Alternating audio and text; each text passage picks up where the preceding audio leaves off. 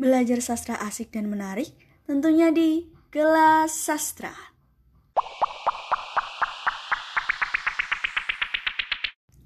Kali ini kita akan membahas tentang teks narasi cerita fantasi. Nah, pada teks narasi ini, teman-teman tahu nggak sih apa itu teks narasi? Nah, teks narasi merupakan cerita fiksi yang berisi perkembangan kejadian atau peristiwa. Jadi, di dalam rangkaian cerita yang biasa kita sebut alur, dalam teks narasi cerita fantasi ini ada tokoh dan watak tokoh, kemudian narasi juga memiliki tema atau ide dasar dalam cerita yang menjadi pusat pengembangan cerita, kemudian ada juga amanat yang merupakan unsur cerita yang menjadi pesan pengarang melalui ceritanya. Jadi, amanat berkaitan dengan nilai-nilai kehidupan yang dapat disimpulkan dari isi cerita. Nah, kalau ditanya nih, apa sih ciri umum dari cerita fantasi itu? Nah, ciri umum cerita fantasi itu yang pertama ada keajaiban, atau keanehan, atau kemisteriusan. Kemudian yang kedua ada ide cerita. Yang ketiga, menggunakan berbagai latar atau lintas ruang dan waktu. Selanjutnya yang keempat, ada tokoh unik yang memiliki kesaktian. Kelima, bersifat fiksi, dan yang terakhir adalah bahasa. Biasanya dalam penggunaan bahasa ini sinonim dengan emosi yang kuat dan variasi kata yang cukup menonjol. Jadi bahasa yang digunakan itu variatif, ekspresif, dan menggunakan ragam percakapan, bukan bahasa formal ya. Selanjutnya tentang jenis cerita fantasi.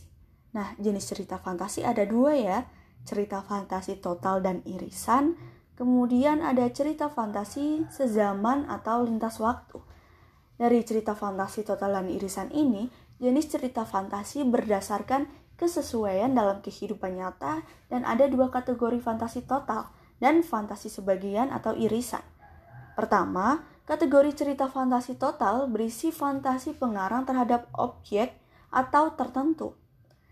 Pada cerita kategori ini, semua yang terdapat pada cerita tidak terjadi dalam dunia nyata. Kemudian yang kedua ada cerita fantasi irisan, yaitu cerita fantasi yang biasa mengungkapkan fantasi tetapi masih menggunakan nama-nama dalam kehidupan nyata, menggunakan nama tempat yang ada dalam dunia nyata dan peristiwa yang pernah terjadi dalam dunia nyata. Dan kemudian ada cerita fantasi sezaman atau lintas waktu jadi berdasarkan latar cerita, cerita fantasi dibedakan menjadi dua kategori yaitu lintas waktu dan lintas waktu sezaman. Jadi latar sezaman berarti latar yang digunakan satu masa atau fantasi masa kini, fantasi masa lampau, atau fantasi masa yang akan datang atau futuristik. Lalu ada latar lintas waktu yang berarti cerita fantasi menggunakan dua latar waktu yang berbeda, Misalnya masa kini dengan masa prasejarah, kemudian masa kini dengan masa 40 tahun mendatang atau futuristik.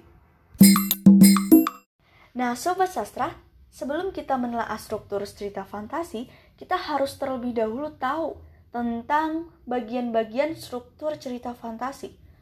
Nah, struktur-struktur cerita fantasi ini bagian-bagiannya yang pertama ada orientasi. Dalam orientasi ini biasanya mengenalkan latar dan tokoh. Kemudian yang kedua ada komplikasi. Di sini timbul masalah hingga masalah itu memuncak.